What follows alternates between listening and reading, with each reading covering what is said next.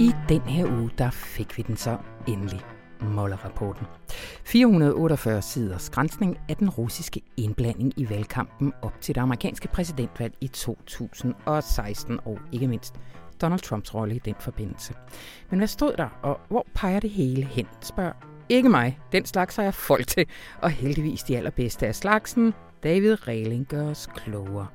Jeg hedder Anna von Sperling, og det her det er Radioinformation hvor vi også skal tale om en bog med en helt utrolig god timing. Thomas Larsens Mette Frederiksen, et politisk portræt. Vores debatredaktør Gry Inger Reiter, hun har læst den, og den minder hende mest af alt om den her slags Hollywood biopic, hvor enhver livsbegivenhed ligesom fører nydelig videre til den næste, og så ender man med et stort ideologisk projekt. Og så afrunder vi den store pensionsserie her i næste uge. De sidste tre uger, der har vi jo sat fokus på pensionskassernes investeringer. Og der er masser af stof. Gå ind på information.dk slash den sorte liste, så kan du læse videre der. Men hvor Elkær han kommer forbi og giver os aller sidste nyt i den forbindelse.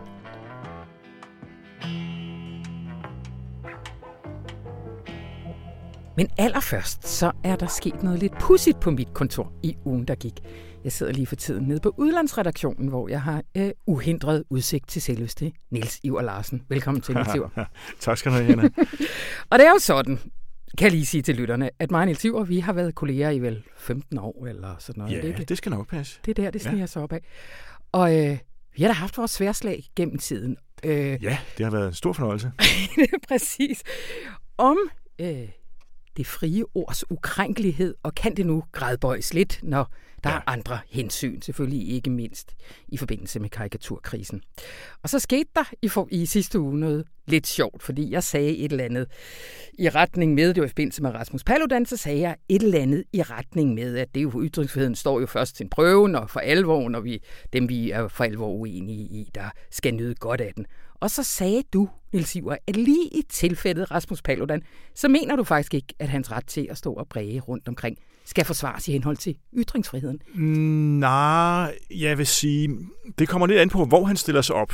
Men ja. det er jo øh, i den grad en pointe, at han ikke stiller sig op på tilfældige steder. Han stiller sig ikke engang op på offentlige pladser. Han stiller sig op øh, meget, meget tæt på, hvor øh, nogle mennesker, han gerne vil chikanere, bor. Og mm-hmm. det synes jeg, det, øh, det ændrer ret grundlæggende på øh, forudsætningerne og umuliggør mange øh, af de paralleller, som jeg ser andre drage til øh, Mohammed-karikaturerne og Mohammed-krisen, fordi de ytringer var jo nogen, der faldt i den offentlige sfære. Mm. Det var mhm. nogen, der kom i, øh, i medierne, i uh, Jyllandsposten osv., Øh, og dem kunne man ligesom unddrage sig. Dem, der gik ud over, det kunne bare lade være med at købe den avis. Mm. Men øh, de mennesker, som Rasmus Paludan øh, chikanerer, og det, han, det gør han jo målrettet, mm-hmm. De har lidt sværere ved at unddrage sig det, fordi han stiller sig helt tæt på den, og han kommer igen og igen og igen. Og han gør det i øh, det åbenlyse forsæt at fremkalde en, øh, en voldelig modreaktion.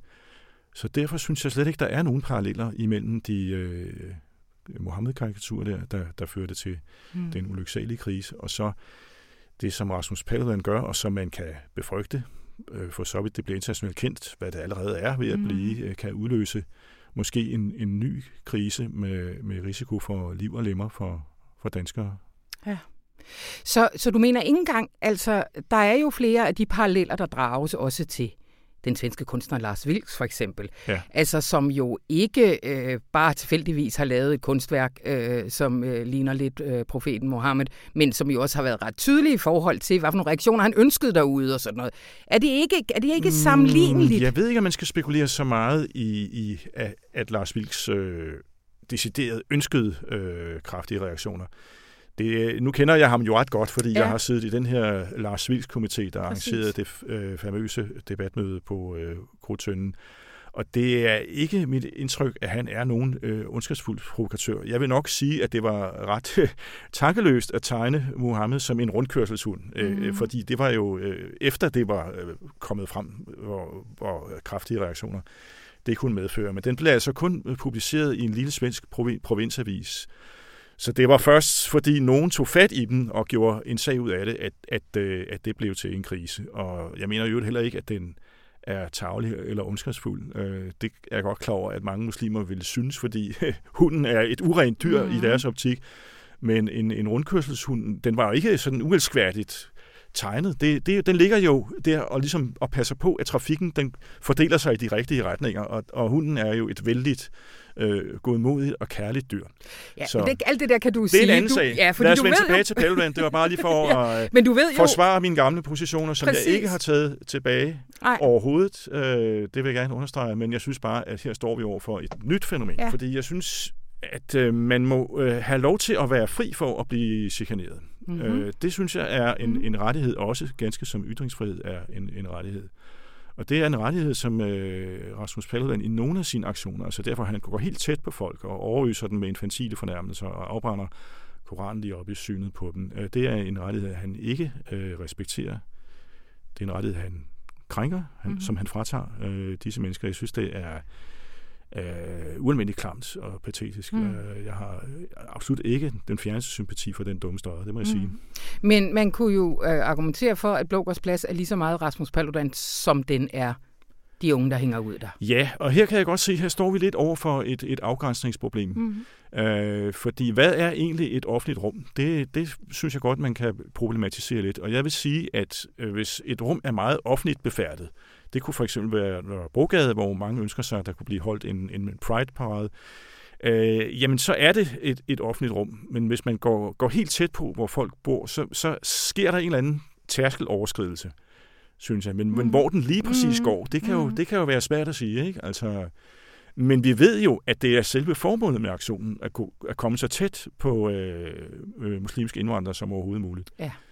Så vi kender intentionen, øh, og vi ved, at den intention er, er nedrig og, og ubehagelig. Øh, og en sådan intention eksisterede der ikke ved øh, hverken Vilks mm. øh, karikatur eller ved Flemming Roses øh, idé om at, at karikere profeten på forskellige måder. Mm. Så intention er vigtig i ja, de her diskussioner? jeg synes ikke, at man kan abstrahere for intention, når man skal vurdere, øh, om, om ytringer er hvad skal vi sige, tilladelige. Jeg synes jo, jo egentlig nok, øh, selvom jeg synes, det er, er absolut fordømmeligt, at det skal være i orden og afbrænde Koranen og sige alle de dumme ting, han gør. Jeg synes blot ikke, han skal gøre det lige op i synet på folk. Nej. Det kalder jeg for stalking. Mm. Altså.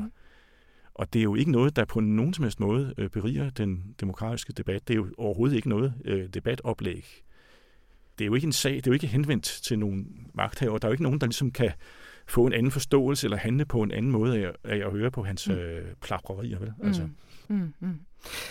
Så hvad synes du det, øh, hvad skal man sige, gør ved øh, vores ytringsfrihedsdebat, at øh, sådan en som Rasmus Paludan Jamen, jeg synes, det er forfærdeligt, at øh, han bruger noget, som er øh, en, en virkelig, virkelig god og nødvendig ting, en, en, en, altså den mest grundlæggende frihedsrettighed overhovedet, at han bruger det som øh, en slags øh, murbrækker eller, eller et rygdække mm. for noget, som øh, er utåligt, modbydeligt, åndssvagt øh, og nedrigt. Mm. Det, øh, det, det er jeg rigtig ked af, må jeg sige. Ja. Fordi det, det giver ytringsfriheden en enormt dårlig presse. Øh, det bliver jo øh, til et, et, et mantra, altså, der bliver slykket rundt om, der kan retfærdiggøre øh, hvad som helst. Og, men vi har jo ikke ytringsfriheden for at, at misbruge den. Vi ved først, når vi har den, når, vi, når der kan ske overskridelser, så overskridelser skal være tilladt, synes jeg. Mm. Øh, undtagen, hvis der selvfølgelig er fare for den sociale fred, hvad der jo er i det her tilfælde. Og derfor har politiet jo så også beordret nogle af de her aktioner øh, flyttet eller aflyst. Og det synes jeg, at de gør, gør helt ret i, og det har, har de jo også ret ja. til i medfør af, af grundloven. Ja. Og jeg synes absolut ikke, at han er noget øh, offer for manglende ytringsfrihed, Rasmus mm. Paludan. Tværtimod har han jo kunne gentage de samme aktioner igen og igen, og sagt mm. præcis de samme totalt uinteressante og bøvede ting. Mm. Øh, han har gentaget den til bevidstløshed, og har mm. fået foræret yderligere en platform, der, derved, at der har, er kommet medieinteresse, hvor han kunne gentage dem igen og igen. Så vil nogen øh, i fuld alvor påstå, at han ikke kan komme til at ytre sig, det er altså en fuldstændig latterlig påstand, vil jeg sige. Ja. Men Niels Iver, det, hvad, hvad, hvad, hvad for en konsekvens skal vi, skal vi drage af det? Ja, altså, mm, jeg kunne godt tænke mig en præcisering af i lovgivningen af, hvad der er et legitimt offentligt rum. Ja. Men jeg kan godt se, at det er en, en vanskelig diskussion, fordi mm. øh, i nogle tilfælde kan demonstrationer øh, tæt på dem, det drejer sig om, jo være fuldstændig nødvendigt. Det kunne for eksempel være en virksomhed, der uh, bruger skruebrækker eller noget, skulle, som, skulle en fagforening så ikke have lov til at stille sig op der. Ikke? Det vil mm. jeg jo mm. synes var, var okay. Ja. Uh, men der er jo også, om så må sige, en politisk sag, en legitim politisk kamp. Og det er jo slet ikke det, Paludan er ude i. Han er bare ude i underartet chikane. Godt, Nils Iver Larsen. Og nu, nu når jeg har dig, så vil jeg ja. gerne sige undskyld for, at jeg har kaldt dig ytringsfrihedsfundamentalist back in the days. Ja, men altså, det går simpelthen nok, ikke? En Jamen, gang var øh, bøsse også en fornærmelse, og så tog bøsserne det selv på sig, så nu, har jeg, nu, nu klæber det til mig, så det er i orden. Men jeg vil bare sige, at jeg er det altså ikke helt, øh, jeg er ikke så, så fuldstændig absolut tænkende, at jeg kan gå ind for, at øh, Rasmus Paludan øh, bare skal kunne øh, overfuse og chikanere. Og jeg kalder ikke nogen fundamentalister, medmindre de er det fra nu af. Godt, det er en aftale. Okay, fint. tak, Niels Iver Larsen. Hej.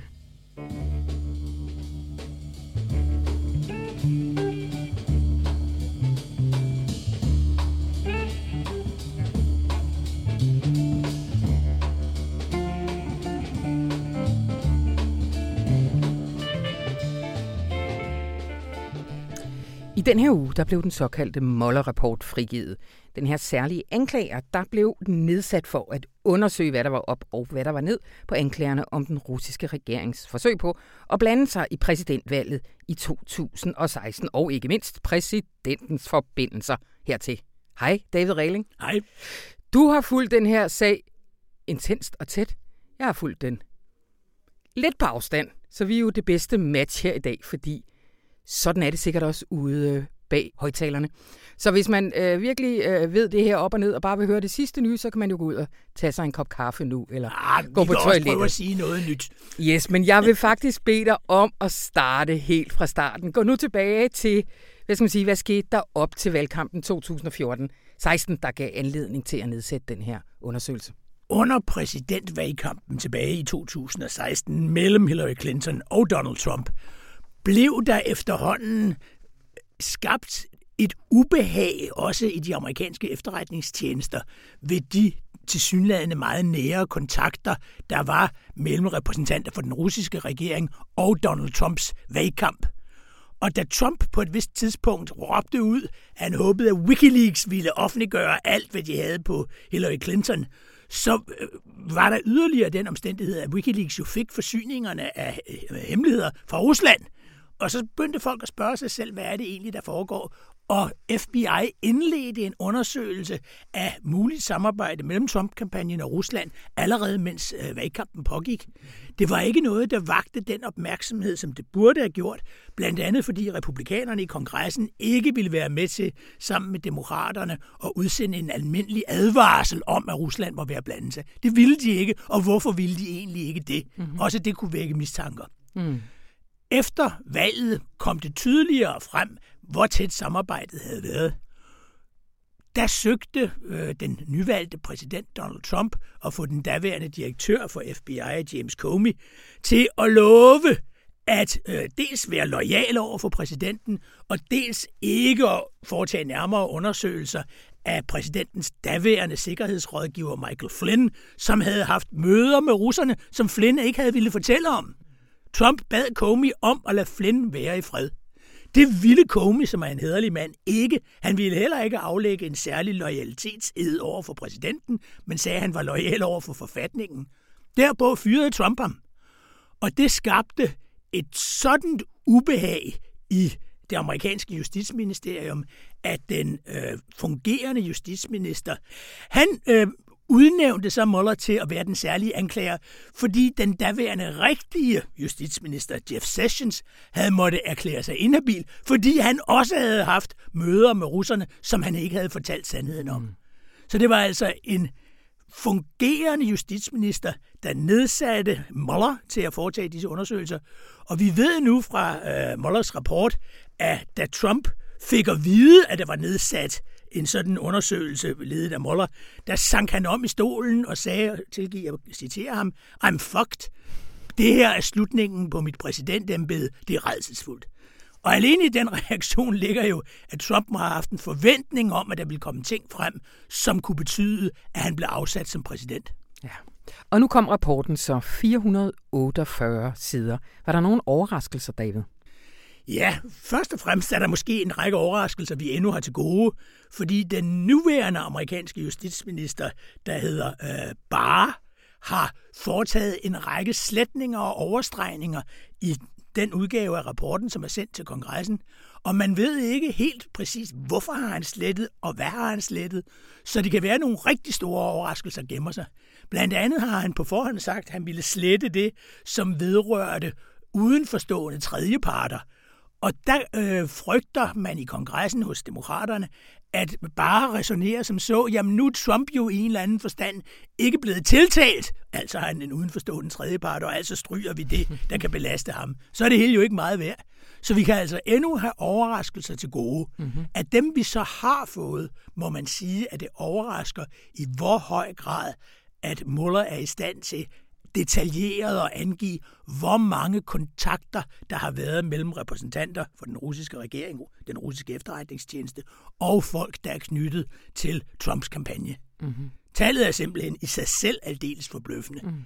Det er jo, skal man lige minde om, en unational handling, også i USA, at konspirere med fremmede magter om øh, indblanding i sit eget lands politik. Mm.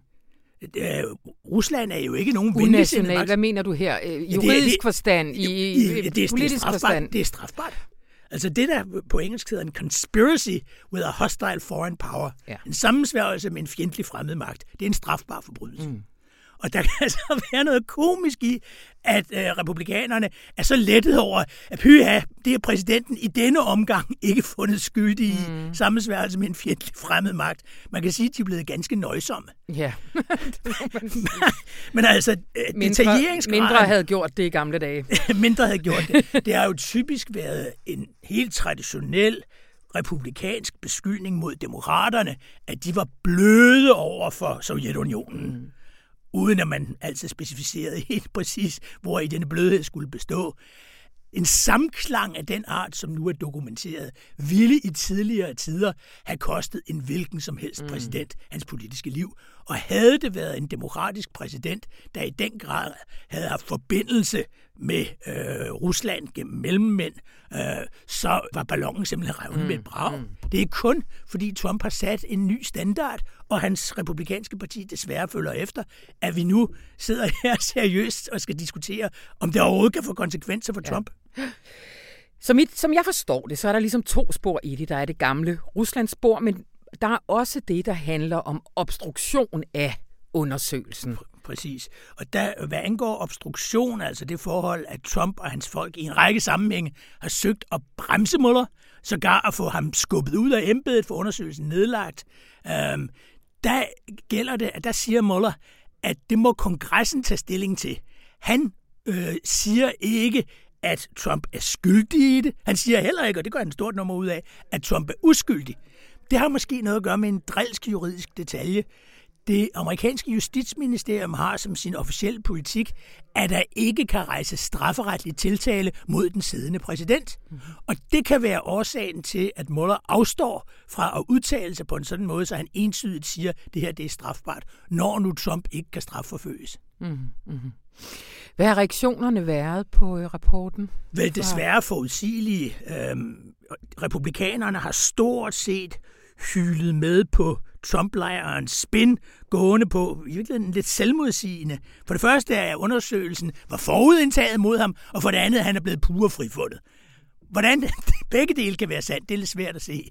Men altså, øh, Muller selv har hele sit liv været republikaner, og er kendt som republikaner.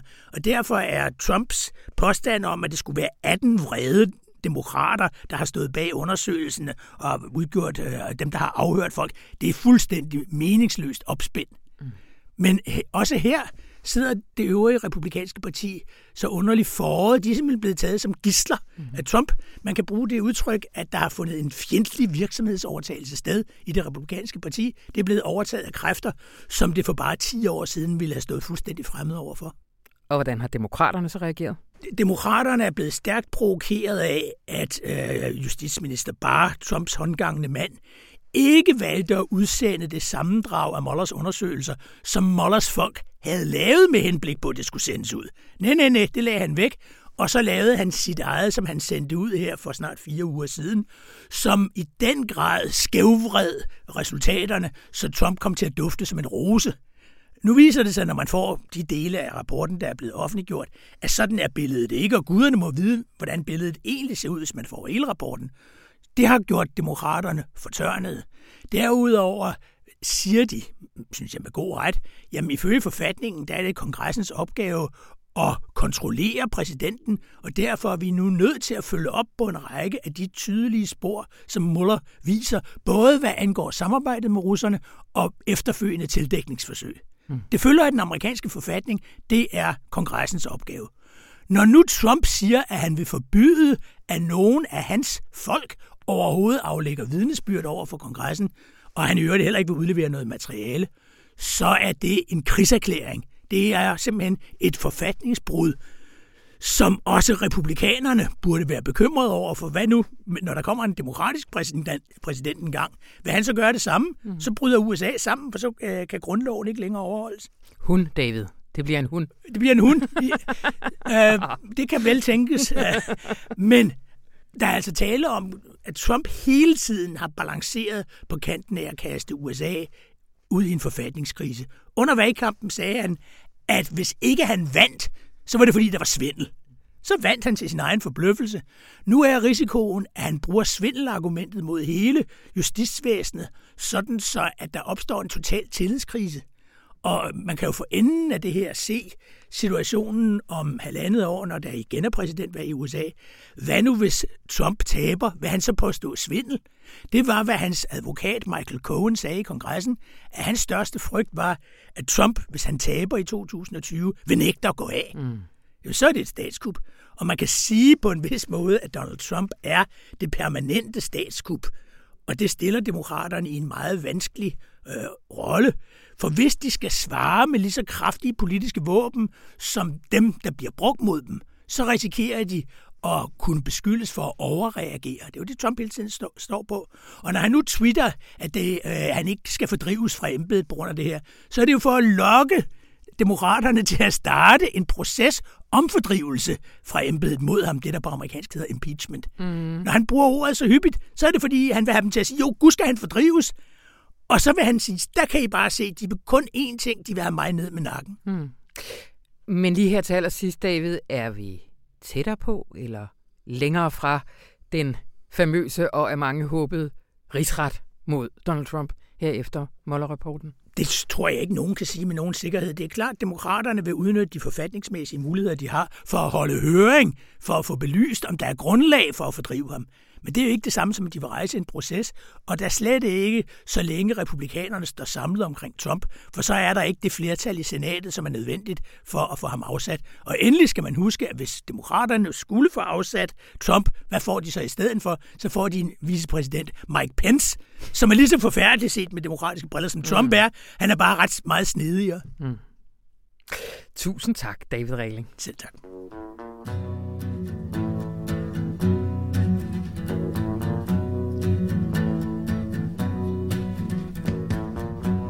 I den her uge, der udkom Mette Frederiksen et politisk portræt af Thomas Larsen, som er politisk kommentator på Berlingske. Sikke da en timinggry. Ja, det er jo en fantastisk god timing. Faktisk så kan man sige, at det er næsten, øh, de har virkelig haft is i maven i forhold til at vente så lang tid med at udkomme med bogen, for der kunne jo have været valg allerede. Det er rigtigt. Øhm, og jeg ved ikke præcis, det er rent konspirationsteorier, men altså Gyldendal har også rykket, altså fremskrevet datoen for udgivelsen. Øh, så, så den skulle faktisk have været kommet tidligere, men nu kom den så nu. Okay. Og øh, det er jo i hvert fald helt utrolig god timing for et, for et portræt, som er øh, så jeg kalder det artigt i min anmeldelse, men det er jo utroligt blankpoleret. Altså, ja. det, der må være jubelstemning på partikontoret, det må man sige. jeg mig over det portræt. Og, helt ned til konkreteren, altså du skriver, at der er fuldstændig en lojalt detaljeret øh, opsummering af det program, hun går ja. til valg på. Ja, det er altså, der. Altså, og, det, og det kunne man godt kalde en form for folkeoplysning på den måde, at man kan læse den sidste tredjedel af bogen, og så kan man få opsummeret, hvad er det egentlig for noget, nogle politiske udspil, som Mette Frederiksen har fremlagt i sin tid som formand, og som hun nu går til valg på. Mm. Øh, det, det, det bliver meget kampagneskriftagtigt. Der bliver ligesom ikke sådan stillet kritiske spørgsmål ind, eller det bliver ikke sådan ubehageligt konkret, men, men man får ligesom både øh, overskrifterne i udlændingepolitikken og klimaudspillet, som kom i, i øh, foråret 2018, og vi får øh, hele det her med børnenes, øh, børnenes statsminister om skal vi til at anbringe flere børn osv. Så, videre, så, videre. Mm. så man får mm. ligesom sådan en rundflyvning, som, som kan jo være fint nok, hvis man lige trænger til at få opsummeret på en meget lojal måde, hvad, hvad det er, Mette Frederiksen hun går til valg på. Ja. Hvem er Thomas Larsen? Jamen, Thomas Larsen, han er jo, udover at være kommentator, politisk kommentator på Berlingske, så er han jo også den mest brugte politiske portrætforfatter i Danmark, kunne man næsten sige. Altså, mm. Altså, han har jo lavet portrætter af, af stort set alle partiformand de sidste fire årtier, med undtagelse af Helle thorning Schmidt dog. Og så har han lavet portrætter af Mærsk McKinney Møller og af Kongehuset også. Og, sådan. Mm. og det siger lidt om, hvad han er for en, for en type forfatter. Øh, at han, han, han skriver ligesom folk op på en måde, som altså, han, han laver ikke portrætter, som folk er kede af bagefter, Nej. kan man vist godt sige. Nej. Og det tror jeg bestemt heller ikke, Mette Frederiksen er. Så det er ikke fordi, at man nu kan tænke, han er sgu nok socialdemokrat og ønsker det alt godt for hende i det her valg. Nej, altså, That's men det, just men det, what nej, do. det er bare det, ja. han gør. Ja. Men, men det er rigtigt, at den fornemmelse sidder man sådan set med, når man læser, så tænker man, at han er da godt nok blevet helt forført af Mette Frederiksen undervejs. Ja. Men det tror jeg sådan set ikke, han er. Mm. Altså, det er ligesom bare det håndværk, han laver, det er den her type meget øh, altså, øh, favorable portrætter, kan man sige. Ja. Og det er jo fint nok, hvis man kender formen, og man er er bevidst om det, når man læser det. Ja. Øhm, det, som er lidt uheldigt ved, ved bogen, synes jeg, er, at det bliver ligesom ikke fremlagt, hvad målet med bogen er. Altså, ja. han er ikke tydelig omkring, øhm, hvor meget har hun haft øh, øh, ret til at sige til og fra i forhold til, hvad der skulle med i bogen. Mm. Øh, hvor meget er det overhovedet ham, der bestemmer, hvad der skal med og ikke skal med. Og Øhm, og det er jo ikke rigtig en interviewbog. Altså, han stiller ikke et eneste kritisk spørgsmål i bogen, for eksempel. Okay. Men han, han har spurgt hende om noget, fordi at nogle gange kan man se, at hun har svaret på noget, man kan bare ikke se, hvad han har spurgt om. Og, og der bliver også citeret nogle kritikere undervejs, men det er meget sparsomt. Ja. Så, så det er sådan lidt, hvad er det for en kontrakt, man indgår? Mm. Hvad er det for en kontrakt, de to har indgået? Altså, er det egentlig Mette Frederiksens øh, folk, der har ringet og spurgt Thomas Larsen, om, om han vil lave et portræt, eller er det den anden vej rundt? Og, og hvad er det for en kontrakt, man indgår med læseren? Altså, hvad er det egentlig, man kan forvente? Det, det er bogen ikke klar omkring. Mm. Mm. Du siger, den minder om en Hollywood biopic. Hvad ja. mener du med det? Ja, jeg har jo en personlig øh, aversion imod sådan nogle øh, Hollywood biopics, altså de her biografiske film, hvor at et eller andet storslået menneske øh, liv bliver oprullet som sådan en lang små perler på sådan en helt lige øh, perlesnors række, og selv den mindste ubetydelige scene fra deres barndom binder en eller anden sløjfe sammen med et eller andet deres politiske manifest mange mm. år efter. Og deres skolelærer en eller anden gang, og så møder de ham igen langt senere i livet, og nu kunne de egentlig forstå, hvad han havde lært dem, eller et eller andet. Altså, og jeg tror lige, folk ved, hvad jeg mener, når jeg taler om det, i hvert fald hvis de har set nogle af alle de der amerikanske film om præsidenter og så videre. Ja. De har virkelig det der, og det har den her bog også. Altså, ned til, at man hører, hvordan Mette Frederiksens politiske engagement, det startede med, at hun kæmpede for dyrevelfærd, og hun kæmpede imod McDonald's. Der skulle komme en McDonald's i Aalborg, hvor hun boede, og så hængte hun plakater op på skolen, hvor der stod boykot McDonald's, fordi at hun vidste, at McDonald's øh, kvægbrug, det gjorde, at øh, man fældede regnskov i Amazonas, og, og det havde hun det rigtig dårligt med, fordi hun var jo glad for regnskoven og sådan noget. Ikke? Øh, og det bliver så ført frem til øh, hendes kampagne, altså senere, hvor man går ind og taler om, hvad er det som et udspil, de har lavet der i 2018, og så får man at vide, at, at det viser på, jo på, på klima, på klima og, og miljøpolitik. Ja. Ja. Og, og så får man så vide, at det, altså, det bliver sådan et bevis på, at det har jo altid stået hendes hjerte nær, det her hun med miljø Hun har bare glemt det alle de år. Hun havde, bare, hun havde bare glemt det nogle år, men så kom det tilbage. Ikke? Og, og man kan lige sådan se det, hvordan det også ville den her scene med, at hun går og hænger plakater op, ville være med, hvis man skulle lave den som film. Ikke? Ja. Øh, som sådan en amerikansk biopic der.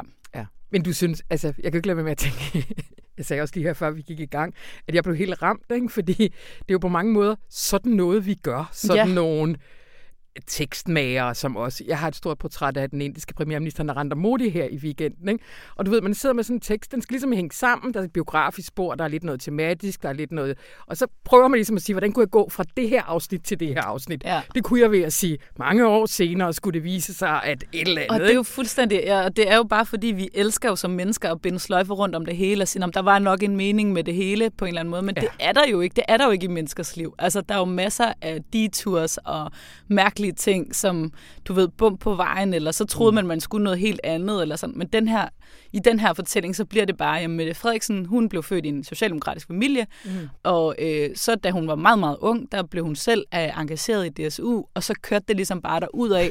øh, i, altså sådan, øh, der og så var, var det sådan, man øh, grøn danne... bølge hele vejen, ikke? Og så øh, frem til, til, at hun nu er klar til at, at, at øh, vinde statsminister. Og så var det sådan, at dem, man skulle den regering med, de går meget op i klimaet, og så... Ja, og så pludselig så kunne man hive den der personlige anekdote frem. Ikke? øh, og det er ikke fordi, jeg siger, at det ikke er rigtigt. Det har hun sikkert været, men, men det er jo bare ikke det, hun har stået for, eller det har, det har jo ikke været hendes politiske projekt i alle de år. Øhm, så, så det bliver sådan en måde at, at, at få hende til at fremstå u- uhyre konsistent. Mm. Altså virkelig sådan urokkelig øh, øh, som politisk figur. Øh, den måde, som, som portrættet er bygget op på. Mm. Du slutter af med at skrive, og her vil jeg rose dig for ordspillet. Du skriver, at Larsen undlader at sætte spot på de hårde konsekvenser af Frederiksens magtudøvelse, og i stedet sætter dette magtfulde menneske i et blødt lys. Hvad, hvad mener du med det? Hvad er det for nogle eksempler? Jamen altså, da jeg læste bogen, så havde jeg det meget sådan, øhm, der er jo ikke sådan på den måde en masse ny viden i den, hvis man ellers har fulgt Mette Frederiksen og Socialdemokratiet i, de, i den tid, hun har været med. Men øhm, det, jeg især lagde mærke til, det var de ting, som er en del af, af Mette Frederiksens og Socialdemokratiets historie, som, som ikke fylder særlig meget. Øh, og det er jo blandt andet fra Mette Frederiksens tid som beskæftigelsesminister, hvor at hele den tid, hun har i, i øh, uh, SRSF-regeringen som minister, bliver ligesom fremstillet som om, at det er en, en modningsproces for hende, hvor hun går fra at være den her højtråbende ideolog, som hun, som hun er i sin DSU-tid. Alle har efterhånden set det her klip, hvor hun stiller kritiske spørgsmål til Poul Nyrup op, mm. op i Aalborg på et eller andet tidspunkt i 90'erne. Øh, og så til at blive den her meget pragmatiske figur, som hun virkelig bliver fremstillet som i, i den her bog. Altså en, der er villig til at lave realpolitik, øh, og som kan forhandle med alle osv. Ikke? Og i hendes tid som beskæftigelsesminister, der stod hun blandt andet bag førtidspensionsreformen, som, som senere stort set alle er enige om, at, at der er store problemer med den, fordi at den fastholder nogle mennesker, som er meget syge og udsatte i det ene øh, ressourceforløb efter det andet, mm. fordi man ligesom har strammet op, så det er blevet sværere at få førtidspension. Og i bogen, der fremhæver Thomas Larsen, at det lykkedes at nedbringe antallet af mennesker, der har fået førtidspension. Og det er også fuldstændig rigtigt, men det er måske lykkedes lige lovligt godt. Mm. I hvert fald så har man været, man har allerede revideret reglerne, og man ser også på at revidere dem endnu mere, øh, fordi, fordi det holder simpelthen ikke, at, at øh, de folk, de skal ud i arbejdsprøvninger, for at, og sådan ligesom, ja, altså det er jo de historier, man hører om folk, ja. der bliver kørt rundt i en hospitalseng til en arbejdsprøvning, altså mm. sådan helt ude i skoven. Mm. Og det eneste, som der bliver sagt negativt sådan, om, om den reform i bogen, det er sådan set bare, at Mette Frederiksen selv siger, at der var nogle ting, der ikke helt kom til at virke efter hensigten.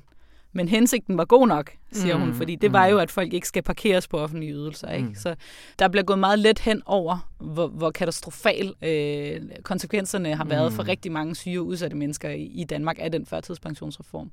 Og i øvrigt det samme med dagpengereformen, mm. som hun jo også stod øh, på mål for som beskæftigelsesminister. Øh, og der bliver jo i bogen skrevet meget om, hvordan at det var jo noget, som S havde været imod, men nu blev de nødt til at æde det på grund af de radikale, som er så dumme. Mm. Øh, og, øh, og det skulle hun så på en eller anden måde få driblet hjem. Men, men det bliver brugt til sådan at beskrive, hvordan hun er pragmatiker, og hun ligesom prøver på at afbøde mm. konsekvenserne, og hun bliver ligesom holdt ansvarsfri for, at, at det endte, som det gjorde. Om hun så er ansvarsfri, eller i hvilket øh, omfang man kan holde hende ansvarlig for, at øh, regeringsgrundlaget det lød, som det gjorde, og at de radikale ikke var villige til at lave om i den reform. Det, det, er jo, det er jo svært at sige, men i hvert fald bliver der jo ikke stillet kritiske spørgsmål til mm. det, fordi mm. det bliver der ikke i den bog. Så mm. det bliver ligesom bare en fortælling om, at her har vi en, en politiker, som vil arbejde hårdt for at, at afbøde de værste konsekvenser af regeringstoppens dårlige beslutnings- og forhandlingskraft i virkeligheden. Ikke? Mm. Fordi at der bliver også understreget, hvordan at hun jo ikke har medvirket i de her meget forkædrede forhandlinger i det sorte tårn, hvor at man i hvert fald i den her bog får fornemmelsen af, at Margrethe Vestager virkelig har kørt alle de andre rundt i manesien. Ja. Altså, du siger, at du ikke lærte noget nyt. Ingenting. Altså, jeg vidste ikke, om hun havde lavet boykot McDonald's Det vidste du ikke. Eller Men du, er ingen, hvad er hendes yndlingsfarve? Nej. God restaurant i Aalborg? Nej. Ingenting? Nej. Okay. Nej. Nå. Jeg synes sådan set altid, det er interessant nok, det der med at høre om, om folks opvækst og, hvad har deres forældre lavet og alt det der, sådan noget, når, når man læser sådan nogle politiske portrætter. Der, der lærte jeg noget mm. om Mette Frederiksens baggrund, som jeg ikke øh, kendte til tidligere. Men det er meget lidt, man hører om. Altså, man, man skal ikke læse den, fordi man tænker, man skal lære noget nyt om Mette Frederiksen som privatperson. Nej.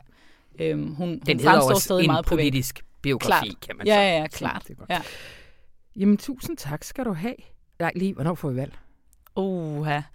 Jamen altså, øh, jeg tror altså stadig på den 26. maj. 16. maj. Ja. Det det er hele sammen en stor Ja, pulje? det tror jeg. Godt. Ja. Jamen, uh, Gry, Inger, Reiter, tak skal du have. Selv tak.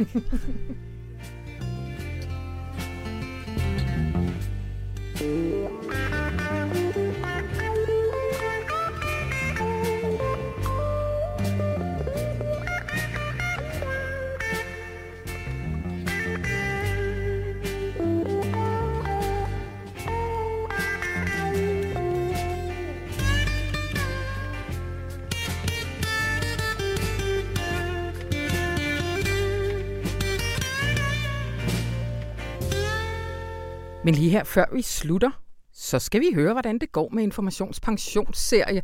Hej, Bo Elkær. Goddag. Nu havde vi jo din kollega Sebastian Gerding inde i sidste uge og tale om, at det faktisk virker. At pensionsselskaberne faktisk reagerer på, enten at deres kunder skriver, eller I skriver i avisen og sådan noget. Hvad er der sket siden? Jamen, der er sket det, at Velliv har meldt ud, at de sælger deres, de aktier, de har i virksomheder, som opererer på den besatte Vestbred. Velliv. Øh... Velliv er jo et pensionsselskab af et af de store 17 øh, store selskaber, som vi har kigget på. Mm-hmm. Øh, og de reagerer på vores historie. De, de sælger ud af, af kontroversielle aktier mm-hmm. og stiller sig jo op i en lang række af, af reaktioner mm. på det her. Altså, vi har jo reaktioner i forhold til, til tjæresand, øh, i forhold til atomvåben, mm-hmm. i forhold til, til eksport af våben til, til Saudi-Arabien, som jo så beklageligvis er super aktuelt lige nu. Mm-hmm. Øhm, men, men, men, men der har været nogle reaktioner på, på, på vores historie, på den måde er det jo, er jo super fedt at, ja. at se, at, at, at det, man sætter til søs, rent faktisk også skubber noget til tingene derude. Præcis. Ja. Tjæresand, den fortalte Sebastian ikke om. Øh, hvad, hvad, hvad, hvem, har, hvem har droppet Tjæresand? Jamen, øh, jeg ved heller ikke, om vi skal tage æren for det. Mm. Øh, men, men, men der har været... det alligevel. Nej, det ved jeg ikke. der, der har været store investeringer i Tjæresand. Ja. Og der er der en del øh, pensionsselskaber, som har besluttet, at de ikke længere vil have investeringer i Tjæresand. Det er, det er Danica og AP, Pension ATP. Øhm, og de her beslutninger om at sælge ud af Tjæresand, de, de er faldet sammen med, at vi har spurgt til dem. Altså inden vi gik i gang med at skrive historien, inden vi gik i luft med de første historier, der var vi jo i dialog med de her pensionsselskaber. Der spurgte vi, de her investeringer, jeg har i Tjæresand, øh, hvad sker der egentlig med dem? Mm-hmm. Øh, og så har de besluttet i den forbindelse, at, at, at nu skulle de ud, nu skulle de videre derfra. Men, men altså, som, som, som nogle af dem jo også siger, det er jo, det er jo noget, som de har overvejet lang tid, og så, så, så er beslutningen så taget nu. Ja, det er vel sjældent sådan, at øh, medmindre vi har sådan nogle helt voldsomme afsløringer, så kommer vi jo tit og skubber til noget, ja. der i forvejen jo, jo, er men, i men gang altså, derude. Men altså i forhold til, til uh, PBU's, altså pædagogernes om, om, omkring atomvåben, og i forhold til velliv omkring uh, Vestbreden, der er det jo en klar effekt af, af vores historie, ja. at de må handle på det. Ja. Den slutter i næste uge. Ja. Hvad kan vi... Øh hvad kan vi vente os der? Øh, jamen, øh, det er en hemmelighed. Er det rigtigt? ja, nej, det kommer jo, altså, det, det, det, det får vi at vide her i, i ugen, der kommer. Slutter det lidt med et brag? Ja, bom, bom. ja et brag. det er en hemmelighed. Jamen, øh, og kære lytter, jeg ved det heller ikke, men øh, tusind tak, Bo Elkær, og hold øh, øje med det inde på information.dk i næste uge, øh, hvor vi sikkert også runder lidt af her i Radio Information, men gå da lige ind og skriv op til vores nyhedsbrev. Det er på information.dk slash podcast. Mit navn det er Anna Sperling, og jeg har tilrettelagt det her program, som er redigeret af Astrid Dynesen. Han har en rigtig dejlig weekend.